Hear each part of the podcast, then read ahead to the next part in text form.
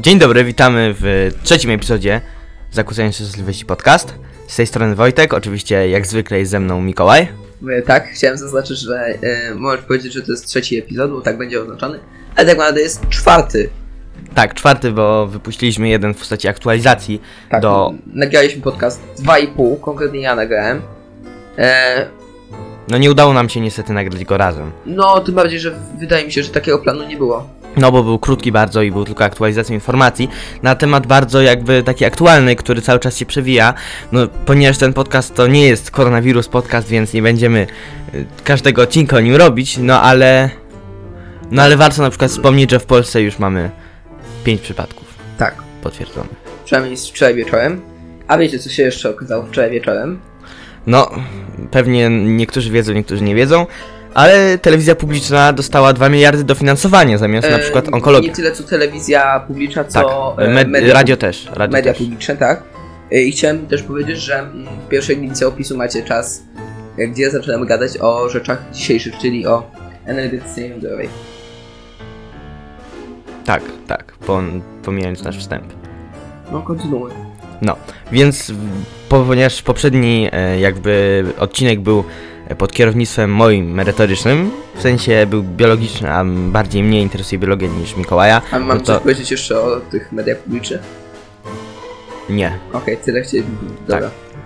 Segment, Tak. To mówi samo za siebie. Segment zakłócenia newsy e, Tak. kończymy. To mówi samo za siebie, a ten odcinek jest y, raczej bardziej pod Mikołaja, bo jest tak i bardziej y, fizyka interesuje jego niż mnie. No chemia raczej tak porówno, nie? Tak. No bo ze- zeszły odcinek właśnie bardziej e, biologiczno-chemiczny. E, mi się podobało nagrywanie ostatnio. Nie czułem się jakoś bardzo głupi, chyba że w ciągu segmentu generalnie o wirusach, ale to. No ale to kiedy musiałem mówić, jak się pisze fag. fag, tak. Dokładnie. No, ale. Zapamiętałeś sobie. tak, i teraz będzie chyba moment, w którym zaczynamy. Więc Interko teraz tak.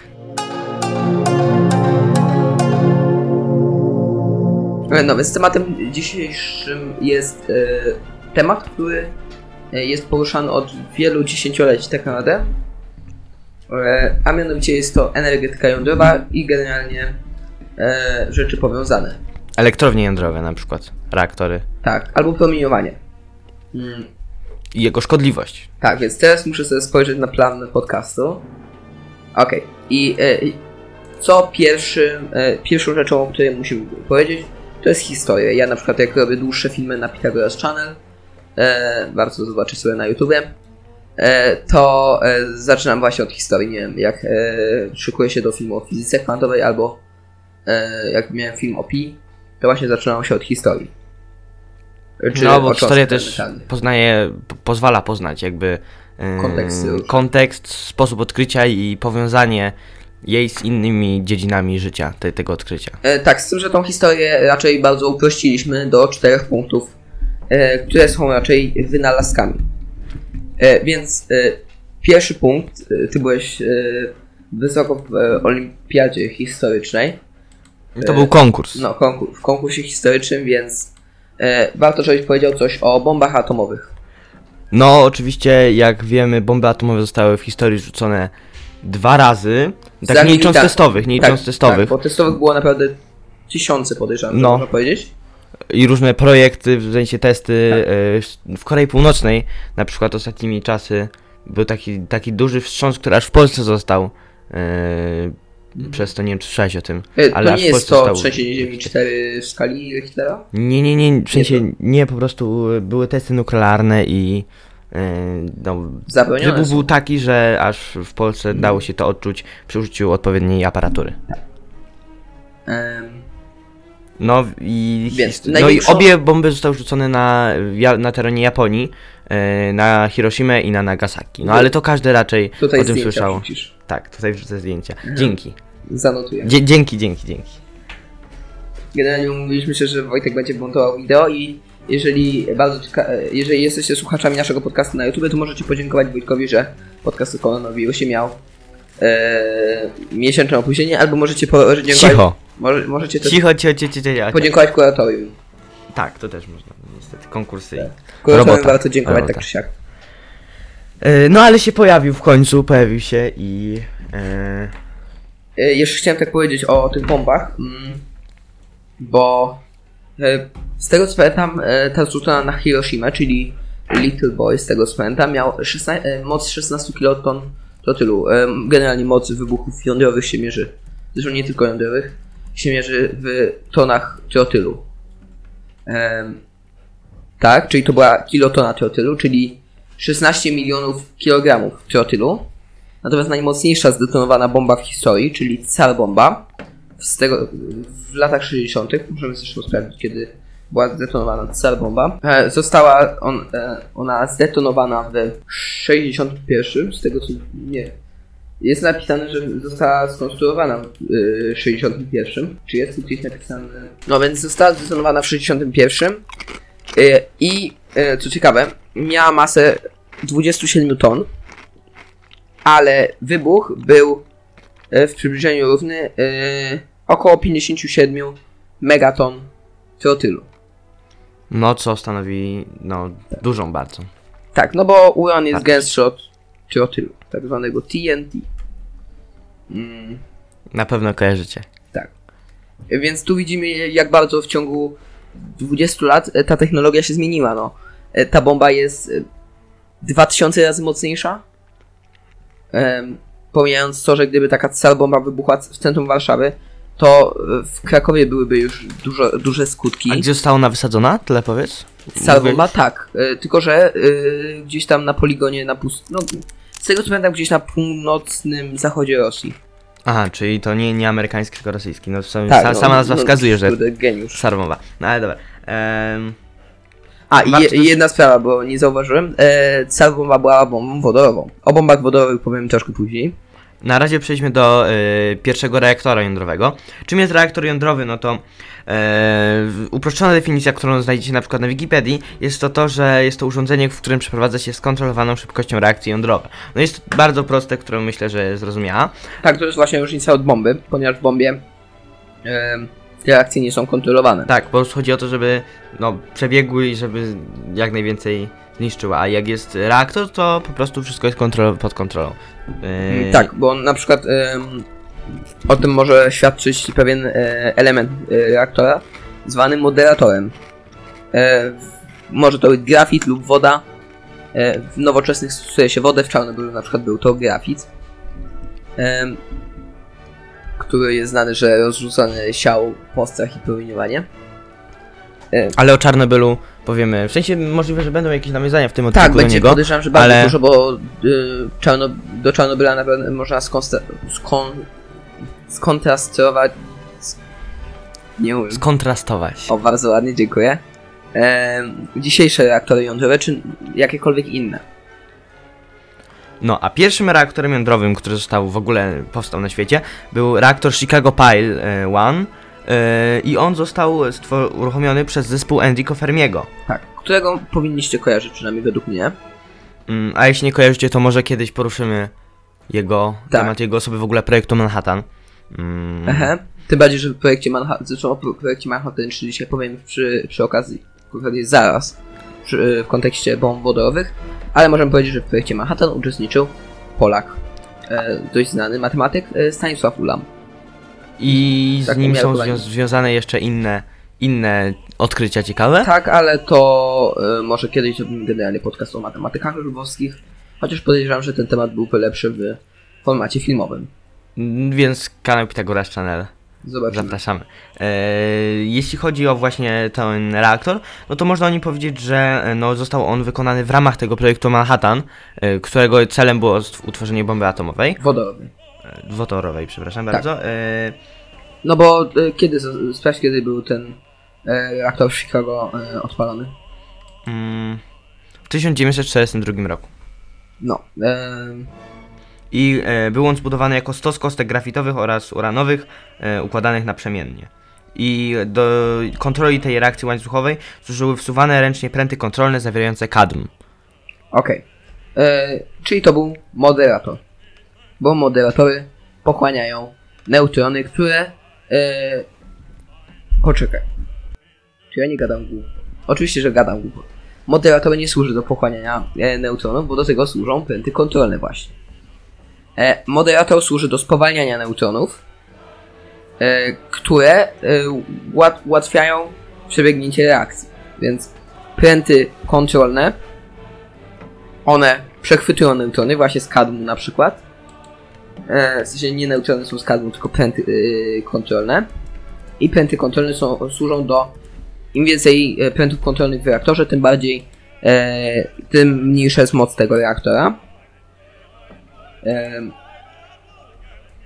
A moderator służy do tego, żeby ta reakcja przebiegała jak najbardziej wydajnie.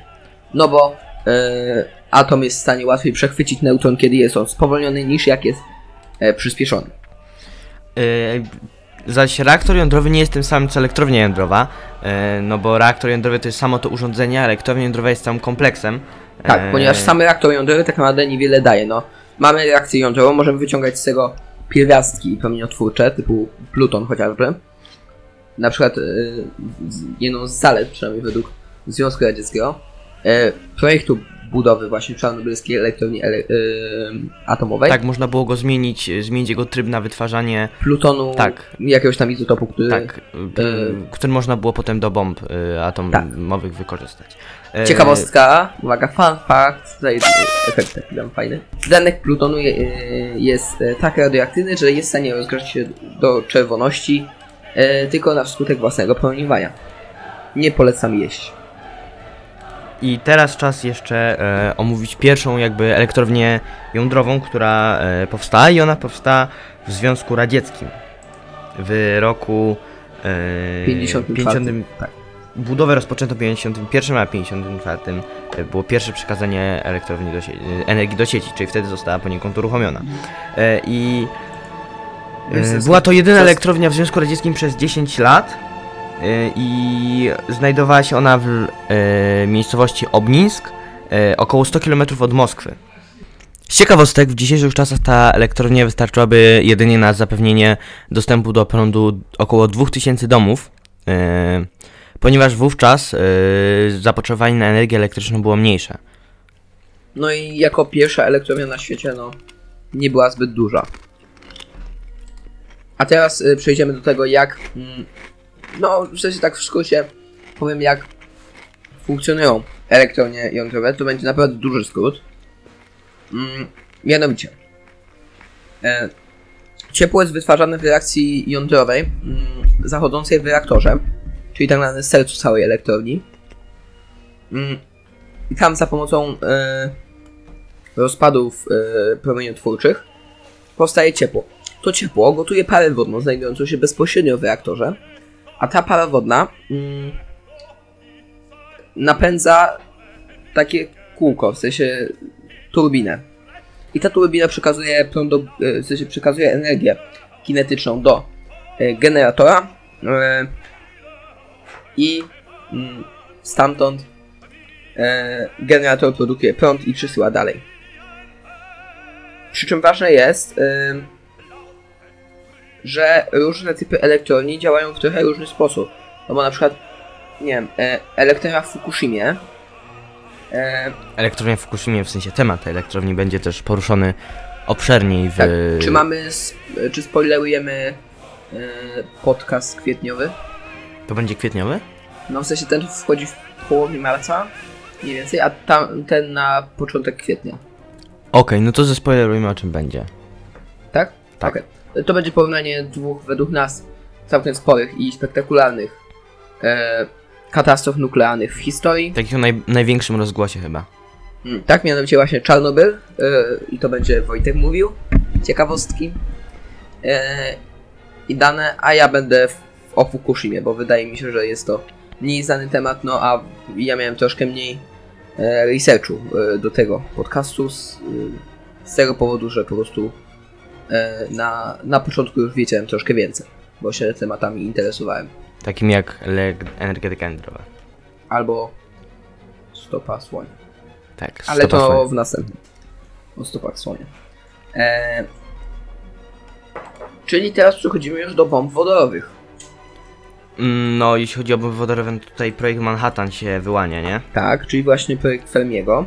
Generalnie projekt Manhattan była amerykańską inicjatywą, ale ściągnięto, tak jak już mówiliśmy, Polaka. Tak. I to jest tyle, co mam do powiedzenia. Ale, e, I tak, trzeba powiedzieć, czym bomby wodorowe są. Bo bomby wodorowe e, funkcjonują na zasadzie e, fuzji jądrowej, o której czytałem kiedyś bardzo ciekawy artykuł chyba. e, W kwestii fuzji jądrowej to w ogóle odnosimy y, do odcinka, który jest w linku. Się nie wiem, czy jakość dźwięku tego odcinka. Tak, e, nie przeżyjecie tego, mm, więc przybliżymy tutaj.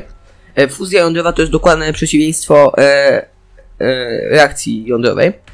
Generalnie nazywa się to też syntezą jądrową, dlatego że, jak może pamiętacie z chemii, synteza to jest łączenie e, dwóch e, atomów, e, czy dwóch, no dwóch e, pierwiastków w jakiś związek. I to jest reakcja syntezy. No właśnie, i to zachodzi w e, fuzji jądrowej. Fuzja jądrowa, taki najbardziej jaskrawy przykład oprócz bomb wodorowych, to e, to, co zachodzi na Słońcu. Tam e, atomy wodoru, z których złożone są gwiazdy, łączą się w atom helu i to zachodzi normalnie cały czas. E, oczywiście nie, nie produkuje się tyle ton e, wodoru co helu, ponieważ e, Słońce musi to też przerobić na ciepło, e, światło i inne takie rzeczy. Em, No. I właśnie tak działają bomby wodorowe. E, Zapalnikiem e, bomb wodorowych jest bomba atomowa. Ponieważ e, fuzja jądrowa może zachodzić tylko w konkretnych warunkach. Przy odpowiednim dużym ciśnieniu i dużej temperaturze. Na Słońcu takie warunki występują w jądrze. Ale no po prostu bez bomby atomowej takie warunki bardzo ciężko by było wytworzyć. A teraz możecie widzieć na ekranie test Trinity, czyli e, pierwszy wybuch jądrowy wywołany przez człowieka e, właśnie w ramach projektu jądrowy czy, Manhattan. jądrowy czy e, wodorowy? Jądrowy. Okej, Znaczy tak jest napisane. dobra. Czy, no te, czyli to nie będzie bomba wodorowa, tylko atomowa. E, No I to było w ramach, mówię, projektu Manhattan. Tak. I właśnie o ile... Mm, Czyli, czy, czyli chyba nie chodziło, czyli mówię, że to jest bomba wodorowa wtedy w tym Manhattanie, a jednak No, chyba robili i to, i to, i to. to zweryfikujmy, co wybuchło w Hiroshimie. W Hiroshimie e, na pewno atomowa. Nie jestem pewien, czy w Nagasaki e, nie spadła wodorowa, ale Nie, na pewno te same spadły. Dobra, to sprawdź. A ja będę dalej mówił o co chodzi w wodorowych. I wodorowe są silniejsze. Yy, na przykład w reaktorach ciężkie pierwiastki, takie jak uran czy pluton, rozpadają się na lżejsze, na przykład y, Cez i J. Y, są takie znane pierwiastki powstające w mm, reaktorach. Ale na przykład w przeddzień katastrofy w Czarnobylu, czyli 25 kwietnia, doszło do zatrucia ksenonowego reaktora. Chociaż w sumie nie, nie, to nie powstało w dzień, tylko e, w trakcie tych prób nocnych. E, doszło do zatrucia ksenonowego, ponieważ w reaktorze zaczął się wytwarzać ksenon. A jak ci lubiący chemię albo po prostu znający się e, mogą kojarzyć, ksenon jest jednym z gazów szlachetnych, które nie reagują, czyli e, ksenon zapychał reaktor, e, jednocześnie samemu nie będąc reaktywnym.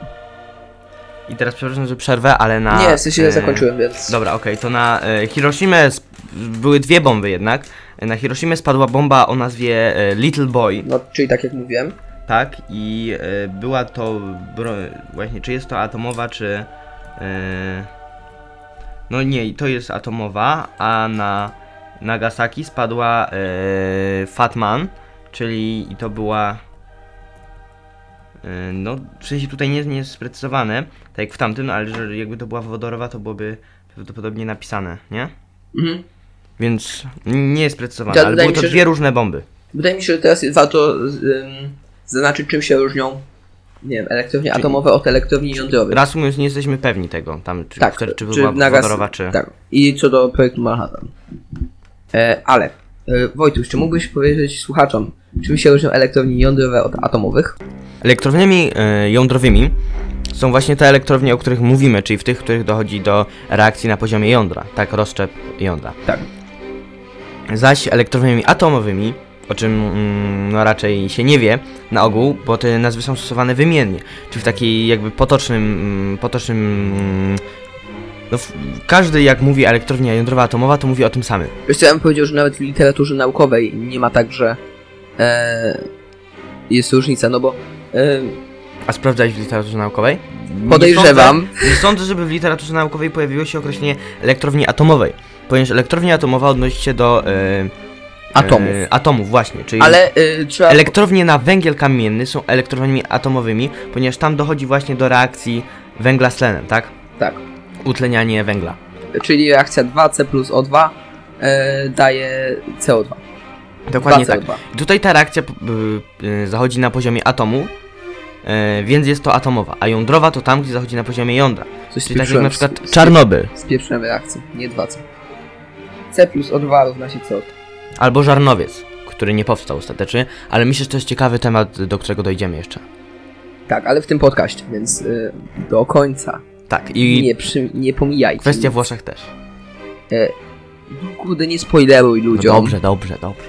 E, tak, bo e, tak naprawdę e, możecie pomyśleć, że no fajnie, skoro e, te neutrony rozbijają jądra e, atomowe, no to co się dzieje z elektronami? No to elektrony zachowują się dokładnie tak, jak powinny się zachowywać, czyli e, dochodzą do e, tych jąder. Czyli jak mamy jądro bez elektronów, no to elektrony tak się dobierają, żeby te e, nowe, nowo powstałe pierwiastki, nowo powstałe izotopy były obojętnie elektryczne. I powstają atomy. Czy to koniec e, segmentu o historii? Tak, tak. Okej, no już nastukaliśmy ile? U mnie 23 minuta się nabija teraz, e, więc przechodzimy do takiego w miarę krótkiego punktu. Dane o reaktorach na świecie. Więc po pierwsze, obalimy pierwszy mit. E, obaliliśmy już mit, że w Polsce nie ma reaktorów atomowych, no bo jest, Elektrowni, tak, elektrowni, tak. Nie reaktorów. Tak, to prawda. Ale czy mamy reaktory jądrowe, Wojtuś? Mamy. Ma, mamy trzy z tego co pamiętam, ale to muszę jeszcze sprawdzić. Na, s- na Wikipedii jest strona właśnie lista reaktorów jądrowych i, mm, i jest tu nazwany tak. Obejmuje wszystkie reaktory jądrowe na świecie oprócz reaktorów na okrętach z napędem atomowym. I to jest całkiem słuszne. E, no bo ciężko by było nazwać te. I teraz podzielone są e, te reaktory na dwa typy. Mm, są reaktory energetyczne, czyli właśnie takie w elektrowniach komercjalnych i są reaktory doświadczalne, czyli takie, które y, są y, eksploatowane na, y, na potrzeby prac badawczych. E, W Polsce nie mamy elektrowni, więc nie będziemy mieli również reaktorów energetycznych, ale mamy reaktory doświadczalne. E, Kiedy zjedziemy sobie na... e, No, mamy 47 i teraz... e, Reaktory, mam, mamy podpunkt na Wikipedii e, reaktory energetyczne. Jest to właśnie elektrownia jądrowa Żarnowiec. Tak, i w kwestii elektrowni właśnie jądrowej Miał w być, Polsce miał być, miała być to generalnie e, bardzo wzorowana na e, Czarnobylu. ponieważ... Ponieważ, podobna, nie, nie, nie tyle, że Tak, tak, wzorowana, tak. ale wzorowana Bo na w tym modelu. bo w momencie e, katastrofy w Czarnobylu miały być budowane e, piąty i szósty reaktor. Ostatecznie s- skończyło się na tym, że wbudowane były cztery, w tym jeden e, po rozwałce z 86. E, generalnie elektrownię w Czarnobylu zamknięto w w 2000. Tak, tylko że w y, model reaktora w Polsce w Żarnowcu miał być to model WWER e, 440, a w Czarnobylu był to RBMK 1000, czyli tak, reaktor tak, tak. bolszej mocności kanalnej. No, e, Wojtek jest Rosjaninem. Reaktor kanałowy tak. dużej mocy. Nie jestem Rosjaninem, żeby nie było. Tak. Ehm, to. Ehm... No może ja powiem o tym w, y, w Polsce, nie? O tym y, w ogóle. Tak, generalnie ja tu mam listę nie trzech, a siedmiu tym jeden to jest Maryla. Tak, Ciekawe to- na podstawie czyjego imienia. No, pewnie jakaś e, pani naukowa. To mamy reaktory Ewa, Maria, Anna, Panna, w sensie P. Anna i to jest modyfikacja Tak, reaktora tylko że Anna. uwaga, jedynym działającym reaktorem jądrowym jest reaktor Maria. Obecnie jest rządzony przez Instytut Energii Atomowej. E, tak, generalnie e, tutaj weź pod uwagę, że e, mamy. Mm, spójrz sobie na ostatni punkt, to jest UR100. Jestem Nawi- na innej stronie. W sensie też na, A, okej. też na Wikipedii, ale w innym. Spoko. E, Jest punkt UR100 Wanda, tylko w doświadczenie krytyczne. Tutaj przeczytam. Zbudowany i e, przetestowany w Instytucie Badań Jądrowych Świerku po przewiezieniu do Akademii Górniczo-Hutniczej e, imienia Stanisława Strasica w Krakowie, w Kraków w, 90, e, w 1985 nigdy nie uruchomiony, nieczynny. Czyli to reaktor zbudowany, ale ni- nigdy nie uruchomiony. Tak, za to, przewiezio, przewieziono go na Agiech. za to działa ten I e, reaktor jon bada, e, badawczy Maria, który znajduje się, uwaga, mm, w e, Otwocku. Okej. Otwocku Świerku, przepraszam. E, Poczekaj, sprawdzę, gdzie jest Otwock. Em. Generalnie na przykład reaktor Ewa jest zdemontowany aktualnie. Ten pierwszy, co przeczytałem.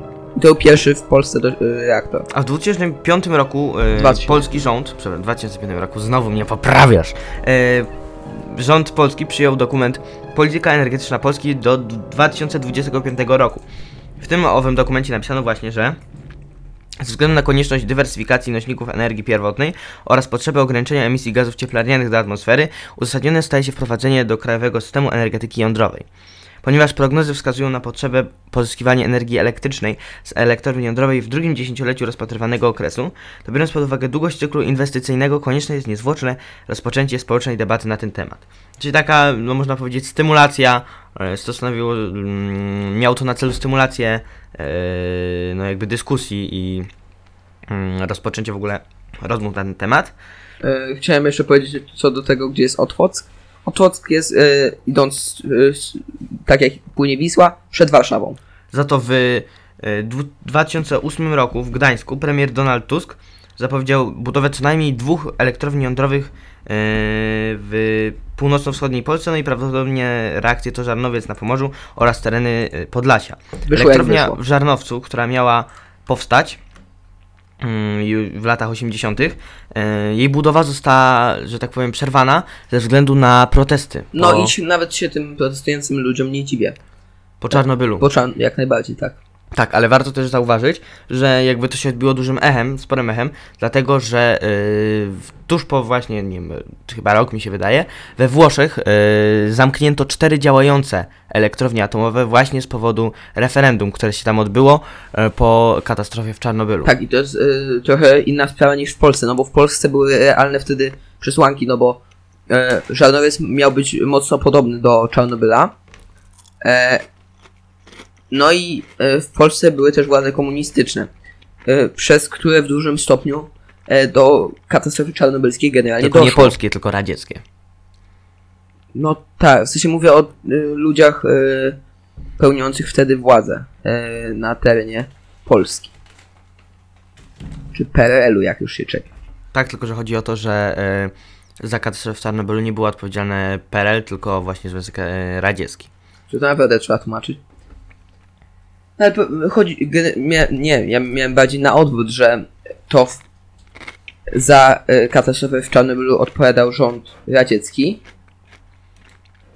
i y, za Żarnowiec też odpowiadał y, rząd radziecki, no bo No tak, rząd Polska polski była... rzadko podejmował decyzje. Akurat przy Czarnobylu właśnie było jeden z niewielu momentów, kiedy rząd polski się sprzeciwił.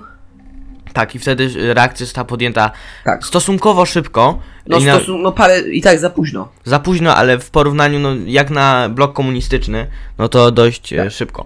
I e, Płyn Lugola. mianowicie. tak. E, Mam powiedzieć, jak działał płyn Lugola? No, to może ja powiem. W sensie były, są różne izotopy jodu, nie? E, jeden to jest ten, z którego tarczyca wytwarza tyroksynę. E, E, no nie wiem do końca, bo ty jesteś w tyroksyna to jest, tak.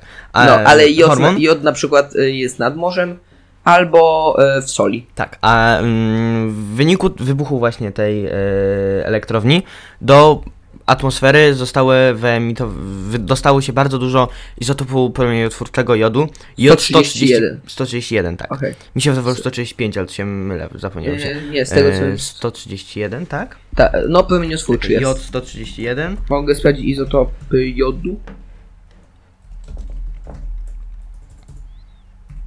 Tak, 131. No. Mm. A izotop trwały to 127. Tak, ten... e, Tak. Yy, No i właśnie tarczyca ym, wtedy wówczas przyjmowałaby ten jod 131 i z niego budowała tyroksynę, z tego promieniotwórczego jodu, no co miałoby no nieprzyjemne skutki. No tak, na przykład kiedyś była taka, było takie badanie, że e, za, e, wprowadzono promieniotwórczy azot, e, żeby monitorować jak, azot, jak krew rozchodzi się w ludzkim ciele. Mm. No, ale to były takie małe dawki, że to nie było niebezpieczne. No tak, no ale tutaj to już y, dawki były inne, więc płyn Lugola mm, na celu to on miał sobie jod ten trwały i służył do tego, żeby przesycić y, organizm jodem, żeby już nie przyjmował tego promieniotwórczego. No stało się to za późno, ponieważ jeśli już miało zostać, to co miało zostać wchłonięte już zostało wchłonięte, a też duża część tego jodu już się rozpadła. Tak, bo on ma, yy, poczekaj, sprawdzę okres połowicznego rozpadu. 2-3 tygodnie. 2-3 tygodnie, a płyn Lugola wprowadzono po ile? Nie wiem, e, szybciej, wydaje mi się. Po paru dniach. Ale i tak e, było to za późno, ponieważ największe marsze się odbywały na 1 maja, e, czyli na święto pracy, jedno z ważniejszych świąt. E, W bloku komunistycznym. tak. Do dzisiaj jest obchodzony, ale to nie problem akurat. E, płyn Lugola. E, I zobaczmy, kiedy został wprowadzony. Generalnie płyn Lugola został wymyślony przez Żana Lugola w e, 1829, czyli jest stary. Nie ma daty. Daty czego? Dobra, ale nie jest to aż tak istotne. No, No więc- w każdym razie szybko w porównaniu, nie wiem, do Związku Radzieckiego, czy ludzi mieszkających e, poza strefą wykluczenia, a e, jednak cał, cały czas blisko. Ponieważ nawet e, w e, Szwecji, właśnie głównie przez Szwecję, e, zachodnie e, państwa usłyszały o Czarnobylu. Tylko uwaga, uwaga. E, płyn Lugola mm, właśnie został wprowadzony na wniosek specjalistów Centralnego Laboratorium Ochrony Radiologicznej w Warszawie na czele ze Zbigniewem Jaworskim, który to Zbigniew Jaworski w roku 2006 stwierdził e, w rozmowie z dziennikarzem polityki, że cytując, gdybym miał wówczas obecną wiedzę na temat skali skażeń i tego, co dokładnie wydarzyło się w e, czarnobylskiej elektrowni, nie rekomendowałbym nawet e, podawania ludności płynu Lugola.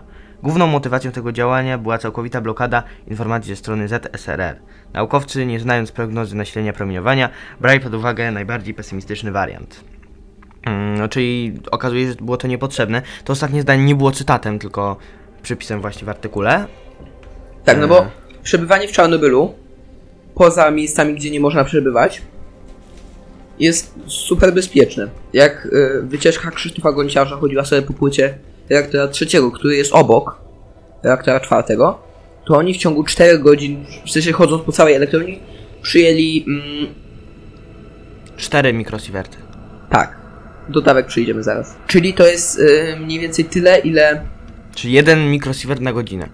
To był mikro czy milisievert? To był mikrosievert. Mikrosievert, no. a w Polsce przyjmujemy y, 3,5 milisieverta, czyli to jest y, parę tysięcy razy więcej w ciągu roku, tyle ile oni przyjęli. Nie, to by, się, to by się trochę nie kalkulowało. No oni przyjęli tyle ponad tło promieniowania. Tak, tylko warto zauważyć, że to nadal jest poniżej yy, Wszelkich y, zakazów, dawki właśnie niebezpiecznej. No jakkolwiek niebezpiecznej, w sensie, Tak. nie wiem, chociażby obniżone limfocyty, obniżona ilość limfocytów. Tak, i w tej kwestii polecamy podcast Przegadana Godzina e, Generalnie, e, naukowego bełkotu. Pod koniec chyba będziemy polecać rzeczy plus opis. Opis też polecam. Opis, szczególnie nasz. O, ale okej, zanim przejdziemy do e, samego promieniowania, e, to sobie powiemy o największych elektrowniach e, na świecie. Tu znalazłem e, artykuł na inżynieria.com. Tutaj Wojtka zagiąłem, e, ponieważ myślał że na początku, że największa europejska elektrownia e, jądrowa znajduje się we Najpierw myślał, że w Niemczech, ale Niemcy się nie podłapują nawet pod No potem myślałem, że coś takiego niebanalnego, więc Tak. obstawiłem Czechy, a tu okazało się, że... Nie, obstawiłeś Francję. Obstawiłem Francję? Tak, i Francja była całkiem niezłym Tak, Francję. strzałem, ponieważ... W Francji jest najwięcej elektrowni jądrowych w Europie. Tak, ale my, 58. tak, i 78% y, ich energii jest wytwarzanych właśnie z energii. Dla porównania, A to- druga na liście Rosja e, ma w sobie, w sensie na swoim terenie, 36 e, reaktorów jądrowych, tu mówimy o inaczej elektrowni, e, tylko to są reaktory chyba w elektrowniach, ale tego nie jestem pewien. W Wielkiej Brytanii jest 15 i w Ukrainie jest 15. E, tak, właśnie, e, trzeba sprawdzić, bo na szóstym miejscu znajduje się Zaporowska elektrownia jądrowa e, na Ukrainie i e, ona jest największą elektrownią w Europie. Sprawdź, czy ona została wbudowana przed 91. Bo tu to w artykule nie ma napisane. Dobrze, Zaporoska elektrownia jądrowa. E, e, no więc pierwsze pięć reaktorów e, jądrowych właśnie e, modelu WWR-1000 e, powstało między rokiem 1985 a 1989. Okej, czyli ta elektrownia została zapoczątkowana jeszcze za czasów e, radzieckich. A Czyli szósty zbudowano 7 lat później. Okej, czyli gdybyśmy mieli tak naprawdę liczyć potęgę e, jądrową Związku Radzieckiego, to musielibyśmy wliczyć część e, także na przykład z e, Ukrainy, ponieważ na Białorusi z tego co pamiętam nie ma. Zresztą e, Wojtek znalazł bardzo ładną mapkę, co prawda dość starą, ale 2009 rok. no właśnie. Właśnie tą mapkę widzicie teraz. A, wcześniej, a wcześniej tą, to zdjęcie, które mieliście okazję wcześniej widzieć, tylko zapomniałem powiedzieć, to zdjęcie z e, właśnie nie, niedobudowanej, nieskończonej budowy e, elektrowni w Żarnowcu.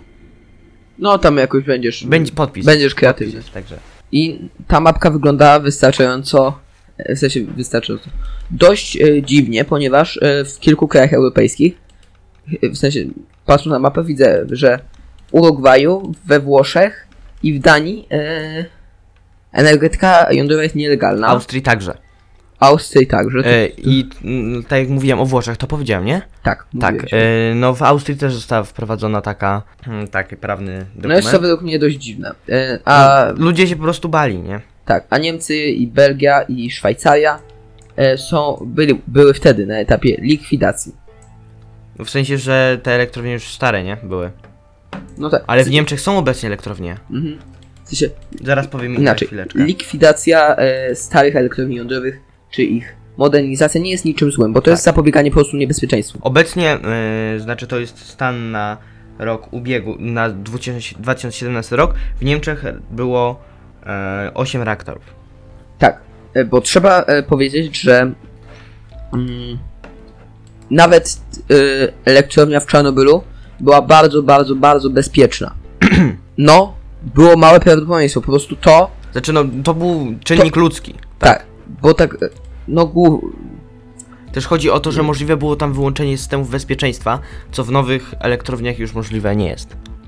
Tak, inną sprawą jest to, że elektrownia w Czarnobylu nie doszłoby do katastrofy, e, gdyby nie test.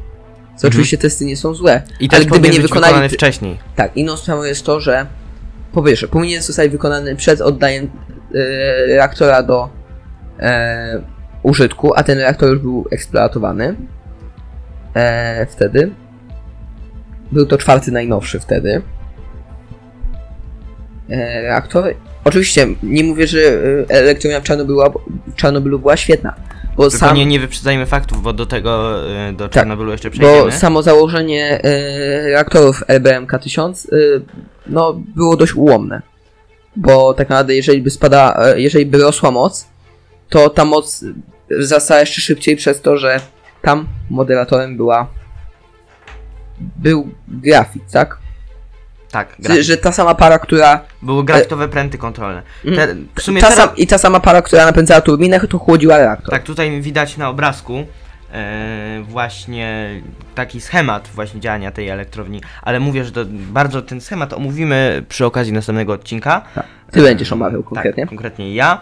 E, tutaj widać pęty kontrolne, część z nich jest wysunięta.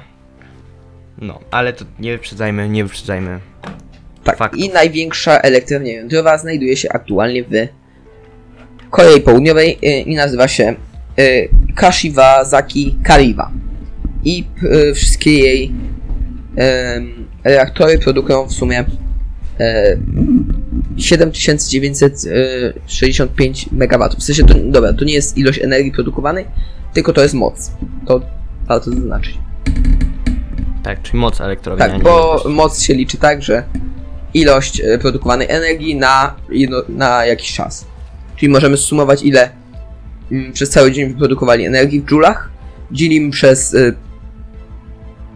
czas. Jednostkę czasu, sekundę. Tak, Sekund... No, za- zależy jaką jednostkę tak, bo watt to jest y, dżu- joule na sekundę. I z tego co widzę, mm, Kashiwazaki Kariwa y, y, należy do TEPCO. kojarzysz firmę TEPCO? Nie, nie kojarzę. E, to jest, e, to był właściciel elektrowni w Fukushimie. Ale mówimy, elektrownie mm, Fukushima czy- i Czarnobyl mają e, zarówno bardzo dużo podobieństw, e, jak na przykład początkowa mała ilość zgonów, pomijając e, śmierci e, spowodowane, spowodowane tym samym czynnikiem, przez który powstała katastrofa w Fukushimie, czyli tsunami. Ale mówimy o samych tragediach, ale no, cały czas bardzo chciałbym przejść do tamtego epizodu. I kończymy tutaj e, gadanie o elektrowniach, przynajmniej na teraz. Bo oto przechodzimy do promieniowania. Tak. Promieniow- są różne typy promieniowania. Myślę, że tak ogólnie wspomnimy o promieniowaniu alfa, beta, gamma i neutronowym. E, tak, przy czym warto rozróżnić. Tak. Po pierwsze, najważniejsze, e, gamma jest promieniowaniem elektromagnetycznym. Czyli tak naprawdę niewiele różni się od światła widzialnego czy fal radiowych. Różni się częstotliwość. Tak, i jest to promieniowanie, które polega na. No, są to fotony po prostu, tak? F- strumień fotonów. Strumień czy. No, strumień, tak. Tak, możemy to. Na przykład to- laser to też jest strumień fotonów, tylko że o niższej częstotliwości. A nie niższej energii? Mm, też. Też. Yy, no i za to promieniowanie alfa jest to strumień jąder-helu. Tak. Yy, Jąd- jąder-helu. O podstawowym tak, izotopie. Tak, cztery. Czyli cztery. sklejone, tak, cztery nukleony. Yy, właśnie tutaj możemy powiedzieć skąd, yy, że jak tłumaczenie angielskie atomowa na atomic, to jest proste, ale właśnie tłumaczenie na angielski jądrowy, czyli to jest nu- nuclear, bo w- w jądrze są nukleony. Tak. No jądro helu składa się z czterech nukleonów, dwóch protonów, dwóch neutronów i to jest właśnie promieniowanie alfa. Jest też promieniowanie beta. Promieniowanie beta to jest e, promieniowanie złożone z elektronów. I jest też beta plus, czyli promieniowanie złożone z pozytonów, Tak, które są... nukleony to są i protony, i elektrony, a jądra Nie, są e, nuklidy. poczekaj, bo ty powiedziałeś... E, poczekaj. E, nukleony... Nukleony. To, to nie są- jest jądra. I nukleon to nie jest jądro.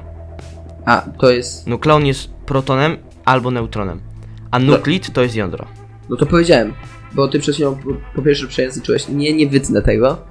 Em, powiedziałeś, że e, nukleony to protony i elektrony, ale spoko, mogłeś się przejęzyczyć jak najbardziej. Nie mówię tutaj, że e, to jest twoja niewiedza. Właściwie powiedziałem, że to jest wspólna nazwa protonów i elektronów, co miałem na myśli, to był skrót myślowy. Elektronów czy neutronów? Protonów i neutronów. No tak, bo co znowu, ja powiedziałem? znowu powiedziałeś o elektronach. No sorry, Jezus. Okej, dobra.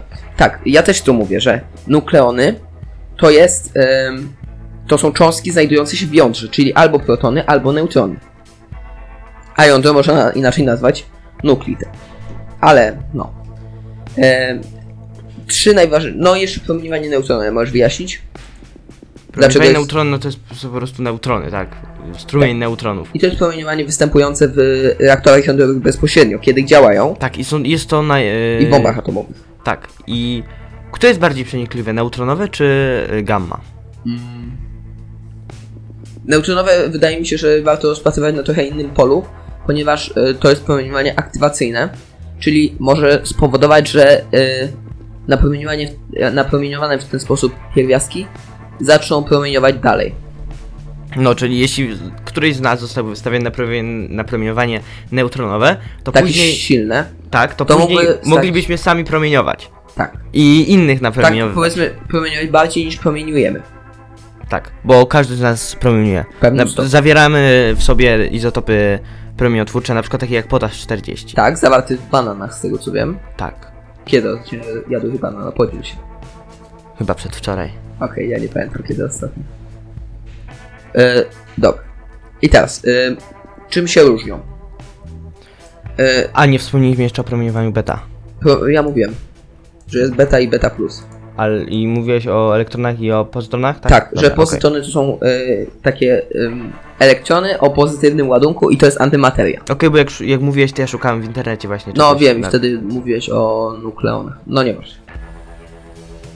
E, więc teraz e, warto powiedzieć, mm, czym e, się różnią. E, powiedzmy, że na chwilę odrzucamy e, neutronowe, ponieważ neutronowe jest, y, działa troszkę bardzo inaczej, ponieważ jest właśnie aktywatorem, więc y, trochę inaczej należy je postrzegać.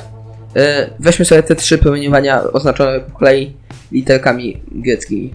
Alfa, beta i gamma. Jakie są różnice? No więc y, na, warto, tak jak się mówi dość, na, w podręcznikach, że promieniowanie alfa można zatrzymać zwykłą kartką papieru. Ale co to oznacza w praktyce? To oznacza, W sensie mm, podręcznika, no to jest taki częste, że na no przykład tak, jeżeli, tak się mówi, jeżeli kto, wiesz, przeciętny Polak, czy przeciętna osoba generalnie, która wie o tym, to jak ją zapytasz, co to jest promieniowanie alfa, to jedną z, ze skojarzeń będzie to, że jest w stanie zatrzymać tak, ją albo gdybyś y, powiedział, że nie to jest totalnie informacja nieprawdziwa teraz, albo nie wiem, czy jest prawdziwa, ale gdybyś powiedział jej, nie wiem, w Czarnobylu występuje bardzo dużo promieniowania alfa, to by poszła w zbroi z papieru, po- podejrzewam. No, można tak powiedzieć, to taki dość yy, skrajny przy- przykład, no Tak. ale, yy, ale co można o nim powiedzieć? Można stwierdzić, że na tę kartkę papieru on całą swoją energię przekaże, tak? Tak, y, albo 5 cm powietrza. 5 cm powietrza, tak. Yy, czyli po 5 cm. Jest jeszcze yy, specjalny typ tego promieniowania, yy, które, uwaga, uwaga, 15 cm potrafi, także uważajcie. A gdyby to był film, to bym nałożył na ciebie taki fajny efekt z telezakupów, ale niestety nie tym razem. Dobrze, no więc... Zakupcie już dziś. Ultra silne promieniowanie alfa, 15 cm zasięgu. Do promieniowania beta yy, potrzebne, żeby zatrzymać promieniowanie beta potrzebujemy płytę aluminiową, tak? No, albo 15 cm powietrza też około.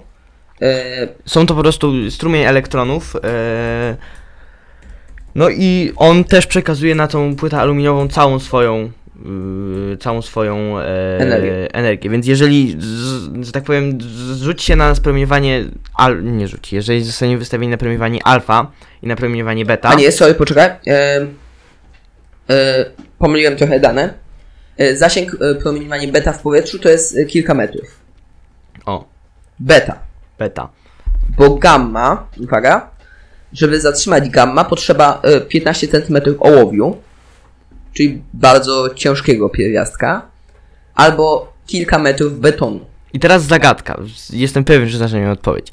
E, jeżeli weźmiesz kartkę papieru i na tę kartkę papieru, najpierw y, dwie kartki. Na jedną wystawisz, jedną wystawisz na działanie promieniowanie alfa, a drugą na promieniowanie beta, to które z nich wywoła e, większe zmiany?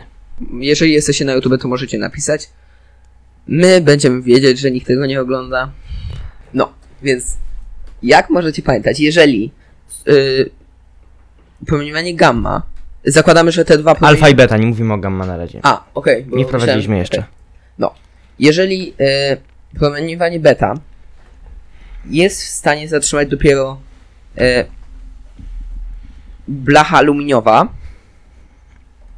e, to oznacza, że przez tą... A, a jeszcze jedno, warto wspomnieć, że oba mają taką samą energię. Tak, no to właśnie powiedziałem. Em, czyli jeżeli em, przez płytę aluminiową nie przylatują już, to znaczy, że przez kartkę papieru przelecą. Część promieniowania, znaczna część. A promieniowanie alfa całe zostanie w tym, w tej kartce papieru. Czyli bardziej na promieniowania będzie kartka, No, więc bardziej na promieniowanie zostanie kartka, e, która była wystawiona na, na działanie promieniowania alfa, ponieważ e, w- zaabsorbuje ona całą energię tego promieniowania, tak? Pochłonie ona tą całą energię. tak. Tak, a przy, przez promienio- promieniowanie beta jakby przeleci przez nią. Nie oznacza to, że tą, ka- taką kartkę należy spalić. Powiedziałbym, że nie należy jej palić, ponieważ wtedy takie te właśnie napełniowane cząstki lecą po prostu do atmosfery. Tak, co jest jak wiemy no sz- szkodliwe. Taką kartkę należy zostawić w spokoju. Dlatego właśnie nie pali się śmieciów, e, boże, śmieci, Śmieci. śmieci, Śmieciów radioaktywnych. też się nie pali, ale śmieci radioaktywnych, e, tylko się je składuje w specjalnych przeznaczonych do tego miejscach. tak. Jest jedno w Polsce właśnie w Świerku, Świer... jak, świe... jak, jak się nazywa tam miejsce, No to sprawdźmy. E, Nie, mówiliśmy. Magazyn, tak wiem, mówiliśmy o tym dzisiaj. Magazyn e, Odpadów, Odpadów, promieniotwórczych. Polska. promieniotwórczych Polska. Krajowe składowisko odpadów promieniotwórczych w miejscowości Różan pod Narwią w województwie mazowieckim. No nie masz.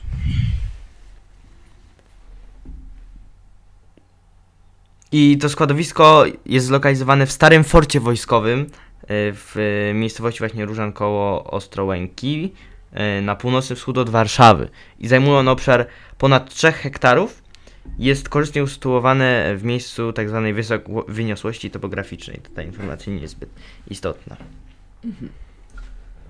Dobra, więc e, powiedzieliśmy o typach em, promieniowania, teraz powiemy o rodzajach dawek.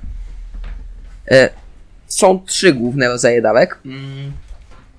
I na trzy rodzaje dawek mamy dwie jednostki. Mm.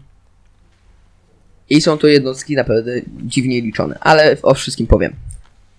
Więc pamiętasz jakie są e, dawki? Mm, Jedna jest. e, Pierwsza. Pochłonięta jest. Tak, m, pamiętam trzecią. Tak Okej, druga jest e, równoważna, a trzecia? Trze... Nie, jednak nie pamiętam. Efektywna, no Efektywna, nieźle. Nie usłuchałem o tym dzisiaj cały podcast. Okej, no, e, więc e, jednostka dawki pochłoniętej, czyli energii e, zaabsorbowanej do, na każdy kilogram naszego ciała e, liczona właśnie joule na kilogram, to jest Gray. E, Nie mylić z panem z 50 twarzy Greya. Okej. Więc y, dawkę y, pochłoniętą całkiem łatwo jest obliczyć, ponieważ po prostu liczycie ilość energii zaabsorbowanej do waszego ciała, czyli gdybyście przyłożyli do ciała źródło promieniowania alfa, to praktycznie wszystko należy doliczyć. Ale już gdyby była to gamma, to mały ułamek. No nieważne, no po prostu trzeba obliczyć jaka ilość energii została pochłonięta. To się da zrobić. I podzielić przez masę e, przez masę waszego ciała. Yy, W kwestii dawki równoważnej, yy, to dawka równoważna do, bierze pod uwagę jeszcze jaki to jest typ promieniowania.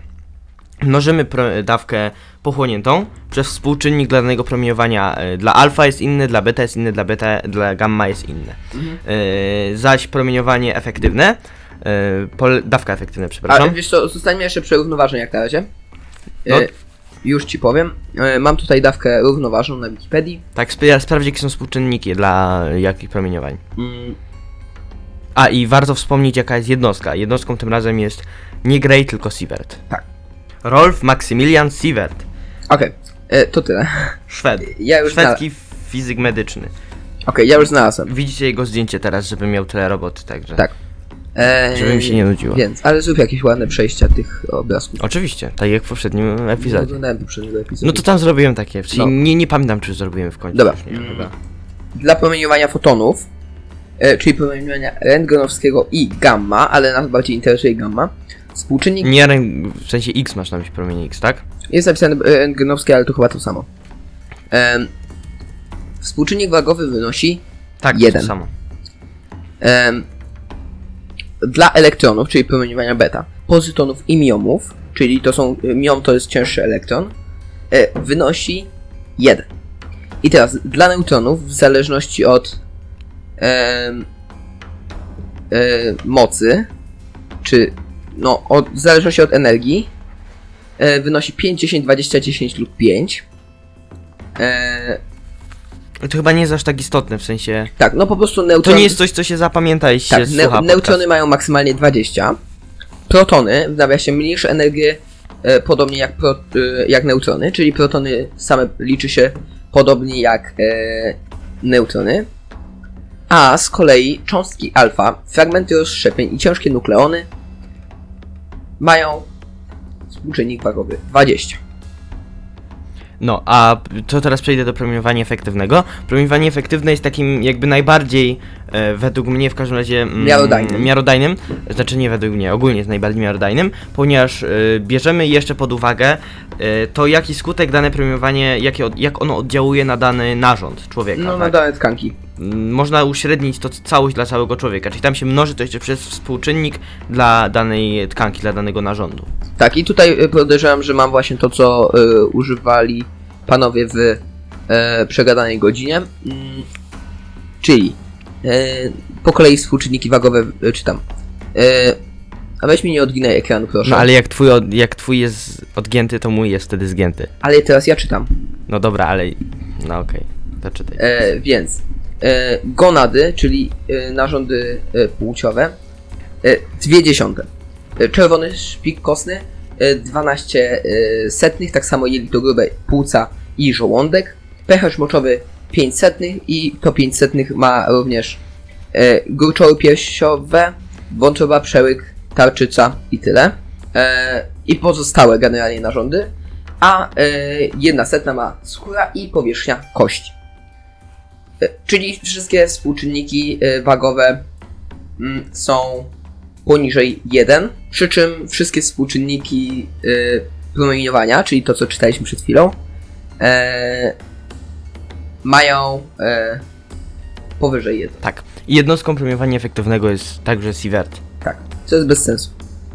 Bo, No, w sensie bo tak, tak, jak, tak. jakby rozdrobnić wszystkie te e, jednostki, czyli zarówno gry jak Sievert, to to i tak jest joule na kilogram, ponieważ te współczynniki, które czytaliśmy, mm, one są... E, Tak więc albo wszystko powinno być podawane w jednej jednostce, moim zdaniem, albo każdy z, z trzech typów dawek powinno mi się bardziej podoba jednostka Sievert. W sensie ładnie brzmi.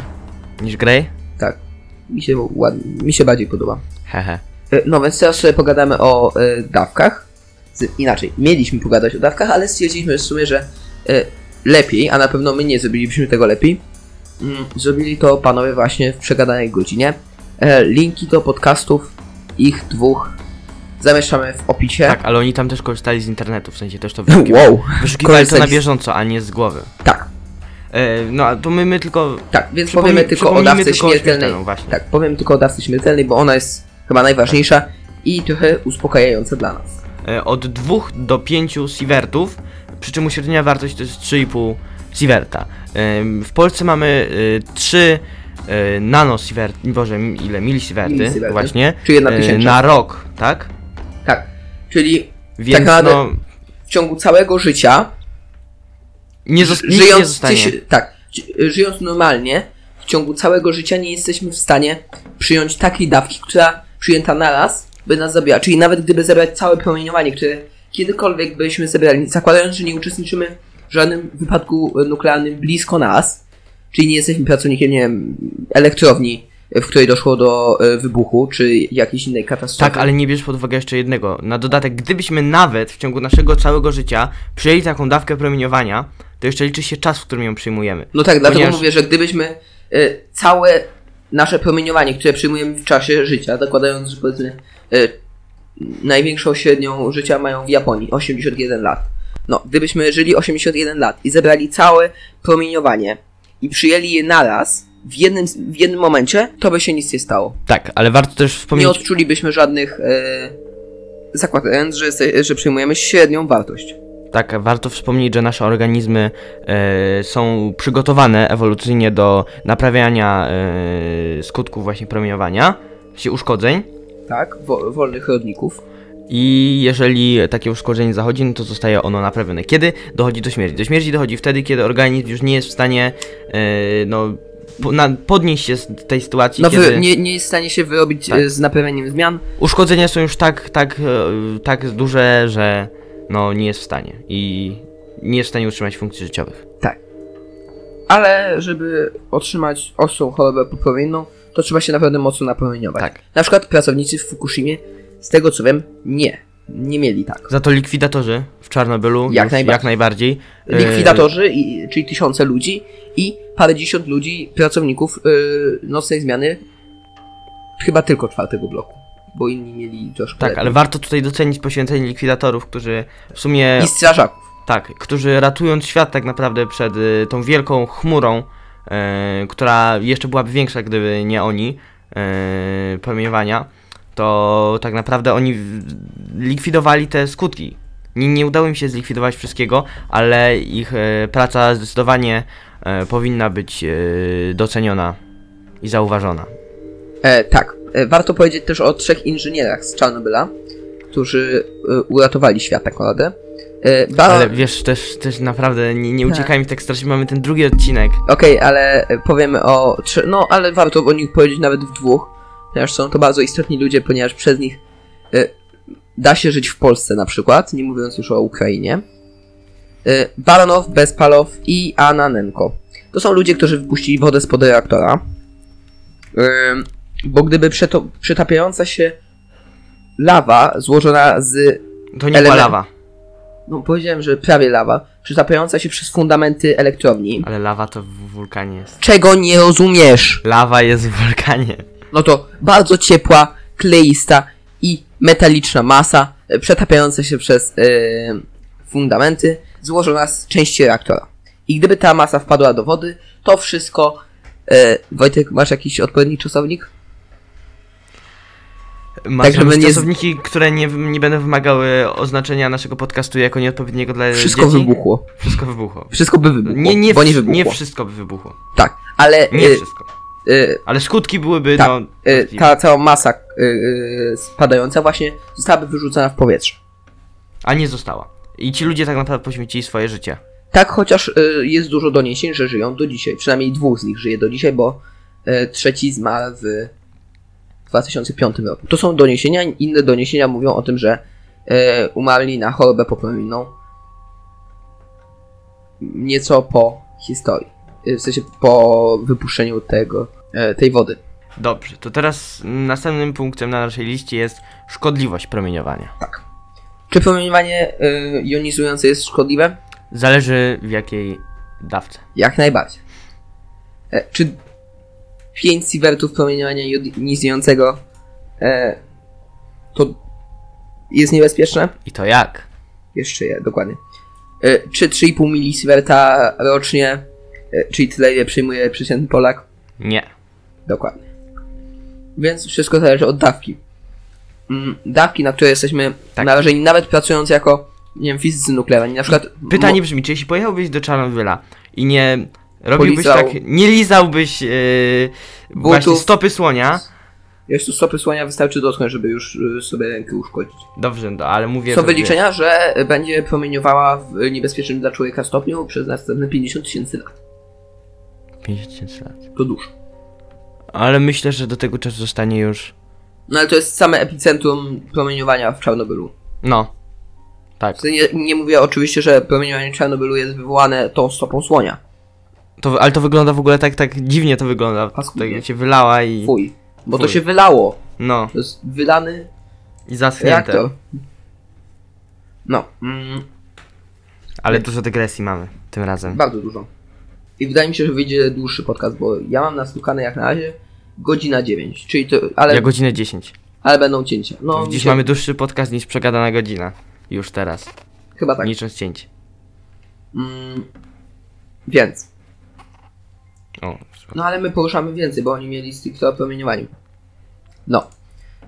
Więc, czy będąc przeciętnym Polakiem i nie, nie będąc świadkiem żadnej katastrofy nuklearnej, a nawet będąc świadkiem, ale nie bezpośrednim katastrofy nuklearnej, e, należy się obawiać? To zależy. Jeżeli jest się płodem, należy. Jeżeli jest się osobą starszą, trochę też należy. E, ponieważ e, po Czarnobylu wzrosła liczba zachorowań na raka tarczycy. tak. Ale nie urodziły się dzieci z dwiema głowami, to jest mit. Zdecydowanie mit. W sensie, e, no jak ktoś zbytnio nie zagłębił się w ten temat, chociażby researchu nie zrobił, e, nie interesuje się tym, no to może tak myśleć. Tak. E, to tyle o szkodliwości. Tak, to tyle.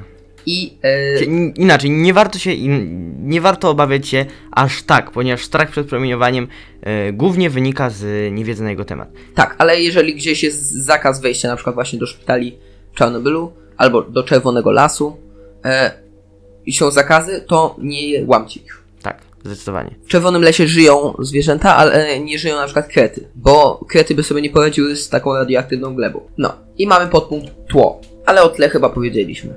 No, Ok, więc przechodzimy yy, do takiego powiedzmy yy, końca, podsumowania. czy elektrownie nam zagrażają? Tak, Tak, więc... węglowe. Węg...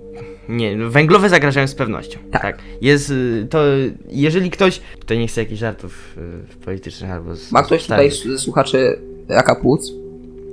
Jeśli ktoś y, ma. Weź się, weź się do mikrofonu, proszę. O, sorry. Jeśli ktoś y, uważa, że elektrownia jądrowa jest bardziej niebezpieczna niż węglowa, no to się myli. Dlatego, że żeby z elektrowni. Inaczej.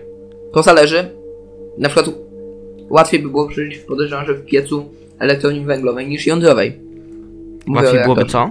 łatwiej było przeżyć w piecu elektrowni węglowej niż e, w reaktorze. Tak, ale chyba Ale- nie zamierzasz takie- ładować się do pieca elektrowni. Takie sytuacje węglowej. rzadko się zdarzają. Poza tym w piecu elektrowni węglowej twoje wszystkie białka by się ścięły i A w reaktorze nie.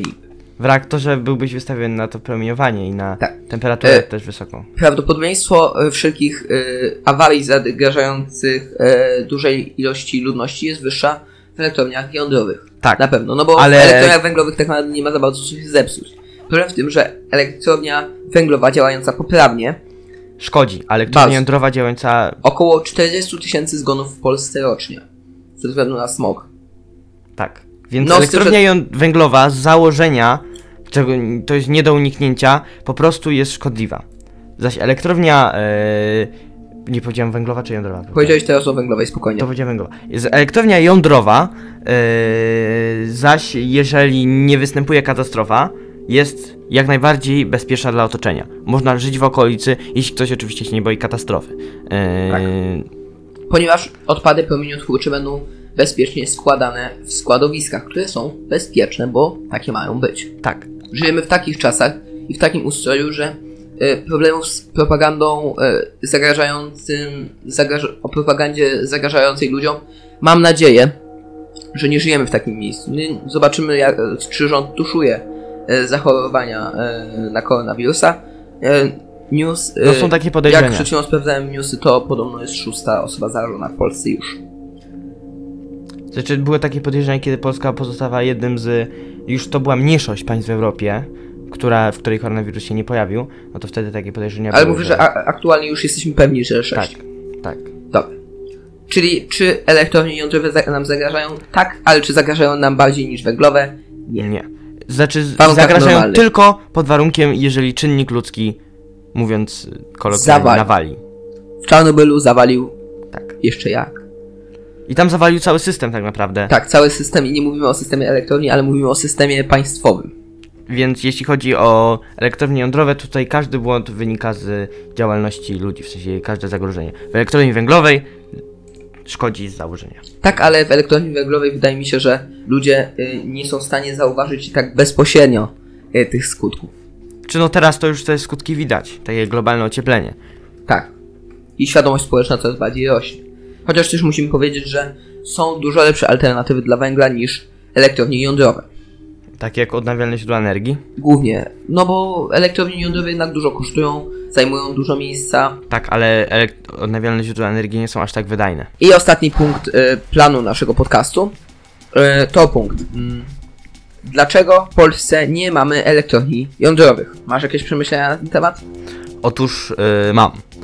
Yy, po Wow. pierwsze, ludzie yy, bardzo, no, ogólnie ludzie boją się elektrowni jądrowych, yy, mając w, gło- w głowie tak naprawdę, myśląc o Czarnobylu. W sensie boją się, mm, że po, coś podobnego stałoby się u nas w Polsce. Tak, ale na przykład Japończycy odchodzący od elektrowni jądrowych na rzecz y, paliw kopalnych też y, no nie mają w głowie Czarnobyla, oni mają w głowie Fukushimę. Co jest jak najbardziej y, zrozumiałe, bo tam panika naprawdę była spora dość. Hmm. Znaczy, tam było pokazane, Ale- że mimo wszystko wybuch... Ale mówimy teraz o Polsce, tak? Tak. Yy, u nas w Fukushima nie ma, nie ma opcji, żeby w Polsce było tsunami. W każdym razie, znaczy jest, bo mamy dostęp do morza. Ale no nie sądzę, żeby u nas Ale to jest na Morzu Morze Szel- Bałtyckim. Morze szelfowe No właśnie. jest bezpieczne. Więc je, szansa na to, że na Morzu Bałtyckim, no to musiały być naprawdę. No tym bardziej biorąc po, pod uwagę to, Że jak, nie budowaliby tego tuż jak przy. głębokie by było. No Żarnowiec Tak. jest dość blisko morza. No ale nie budowaliby tego tuż przy. To prawda, Fukushima była nad wodą. Ale mówimy teraz o Polsce. W Polsce tsunami nie będzie, więc nie będzie takiej sytuacji jak w Fukushimie. E, wizja Czarnobyla jest bliższa, jednakże podejrzewam, że dalej niemożliwa, ponieważ e, ustrój komunistyczny, a nasz obecny, No niestety ma, ma parę cech wspólnych. Takich jak na przykład propaganda w telewizji publicznej. ale tak. No, Albo dotowanie propagandy. Mhm. Ale nie wierzę, że nawet przy obecnym rządzie e, jakieś e, katastrofy nuklearne byłyby tuszowane. Co innego to, że e, konserwatywne poglądy pewnych partii rządzących e, mogą powodować e, zatrzymanie e, technologii jądrowe. Trzeba wziąć też pod uwagę, że e, technologia jądrowa nie jest e, najlepszą, ponieważ jest to technologia dość stara. E, według mnie warto sprawdzać nowe technologie, takie jak właśnie fuzja jądrowa, e, takie jak... Hell no, 3. starsza nie znaczy, że gorsza. Tak, jak najbardziej. No, mówimy tutaj też o elektrowniach węglowych, które, które pierwsze powstawały w XIX wieku, podczas rewolucji Jeśli przemysłowej. chodzi o Polskę, to po Polska... Ale mówimy Hmm. teraz o świecie. Aha, A pierwsza elektrownia jądrowa, jak dzisiaj mówiliśmy, w 54. tak, no więc I to była bardzo stara. ponad 50 lat. Tak. 60 lat. No. Ale jest to 60. technologia bardzo stara. 6. 66 lat. No, ty będziesz liczył tylko. No. Więc czy możemy na koniec udzielić jednoznacznej odpowiedzi, czy elektrownie jądrowe są dobre czy złe? Nie. Tak, dokładnie. Ehm, ja tutaj, połowa moich pytań do Wojtka to jest, brzmi jak quiz. Ehm, W sensie nie. W sensie odpowiedź mi, że nie jest w stanie powiedzieć tak, tak, tak, jak najbardziej. Są ryzyka, ale są też duże zalety. E, więc ja bardzo bym się ucieszył z elektrowni jądrowej w Polsce. Aczkolwiek. Pod warunkiem nie, że, pod, że nie pod twoim domem. No. Inaczej, czy, czy ba, takie proste pytanie. Czy bałbyś się, gdyby elektrownię jądrową postawiono 5 km od twojego domu? Nie. Jeżeli by postawiono 3 metry, to tak, bałbym się. No tak, to znaczyło, że byłbyś w reaktorze. Nie, mówimy 3 metry od jakby ściany, powiedzmy. Tak bałbym się, bo nie chcę mieć elektrowni obok siebie generalnie. Tak. Tym bardziej, że nie da się, ponieważ nie mamy wystarczająco dużych przestrzeni. Generalnie nie bez powodu wybiera się raczej płaskie tereny. Typu Żarnowiec właśnie. No w, tutaj w, Generalnie przyjeżdżałem kiedyś w miejscu, gdzie nagrywamy płaskich terenów nie ma. Więc to chyba koniec. Podcast pewnie wyjdzie, nie wiem, może dłuższy, bo materiału mamy troszkę więcej niż ostatnio. No zdecydowanie dłuższy niż ostatnio, to na pewno. E, Bo ostatnio samego nagrania była godzina 10. Tak. No, te, no teraz mamy... Yy, Przyciąłeś 3 minuty, ja też przyciąłem tam tre i razem 3 minuty się skróciło. no. Te, e, teraz nagrywamy, no wpada y, godzina 20. U ciebie pewnie już wpadła. Ja tak, wpadła, teraz. wpadła. E, no, więc y, się pożegnamy teraz chyba. Nie? No, Ty się chcesz pożegnać. tak. Ale socjale, czy ty masz jakieś socjale do zareklamowania? Się swoich prywatnych nie będę. No tak, ale mówimy o takich e, typu kanały na YouTube. No to na pewno zapraszamy na stronę naszego podcastu na platformie Encore, bo tam jest dużo, tam jest link na przykład taki uniwersalny. Dobra, ty, ty pracujesz nad opisami, więc... e, E, w opisie za, za, zapraszamy do zajrzenia do opisu, e, do social mediów. E, niekoniecznie. Na pewno zapraszamy na kanał Mikołaja Pitagoras Channel. Tak, jak najbardziej. Aktualnie nie jestem tam zbyt aktywny, ale nowe filmy powstały, na przykład film A co jeśli nie węgiel, część druga o smogu. I zapraszamy też na muzykę Mikołaja dystry- dystrybutowaną przeze mnie. Wow. E, Offen Music. Tak. Jeden utwór wpadł, bardzo stary, bo teraz mamy dużą selekcję, to co wpada, co nie wpada. Tak, ale niedługo, I niedługo kol- powinno- wrzucę kolejne, także. Osiem powinno być. Zapraszamy też w sumie na, do naszego sklepu Play. Eee, Cheat do- Wells. Tak, Cheat Bardzo fajna aplikacja dawno. Mamy już chyba rocznicę e, nie wrzucania żadnych aktualizacji. Tak, rocznicę i miesiąc. Super. No, z, myślę, że w wakacje może, mogą się pojawić jakieś nowe aplikacje. Tak, ale e, tak czy siak e, czasowniki nieregularne to nie jest coś, co się zmienia Tak, e, bardzo intensywnie, więc jest to aplikacja jak najbardziej aktualna, tym bardziej, że działa. działa. I my z niej chyba nie mamy teraz żadnych zysków, Nie bo mam nam żadnych reklamy zysków, także to jest No, yy, dla ludu. tak jak wszystko, co robimy. E, no i zachęcamy do zasubskrybowania podcastu. Chyba, że na naszej muzyce uda nam się jakieś parę groszy Tak. zgarnąć. Chyba, nieważne. E, Zachęcamy do zasubskrybowania podcastu, jak i odsłuchania poprzednich, a także następnych. Ponieważ nagraliśmy podcast o koronawirusie godziny, nagraliśmy o e, przedmiotach szkolnych, które są potrzebne, które nie i generalnie komentarz a propos e, systemu edukacji. To jest taki bardzo luźny, bo tam po prostu dyskutujemy ze sobą, a nie jakieś ważne opinie. E, jest też e, króciutki 10-minutowy podcast o tym, e, o danych nowych o koronawirusie i pewnych nieścisłościach, których nie podkreśliliśmy e, w trakcie mm, podcastu godzinnego, bo po prostu nie były nam dostępne. Albo jeszcze nie, nie było opublikowane w ogóle, nie istniały. no tak, no mówię, nie były dostępne. No to to nie nieścisłości. Dokładnie. Danych z przyszłości, no nie mamy ich, sorry. E, Chociaż jakbyśmy mieli, to bylibyśmy najpopularniejszym podcastem. nie bylibyśmy. Nie bylibyśmy? Nie. No, trudno byłoby się wybić. Tak, e, no właśnie, jeżeli chcecie nas uszczęśliwić, e, to proszę bardzo, a my będziemy uszczęśliwiać was. Ten podcast wychodzi trochę z opóźnieniem. Nie wiem jakim, bo nagrywamy to 7 marca. E, I zobaczymy kiedy wyjdzie na platformy podcastowe. Nie mam pojęcia, to zależy już od Wojtka. No I od trochę ode Mikołaja też.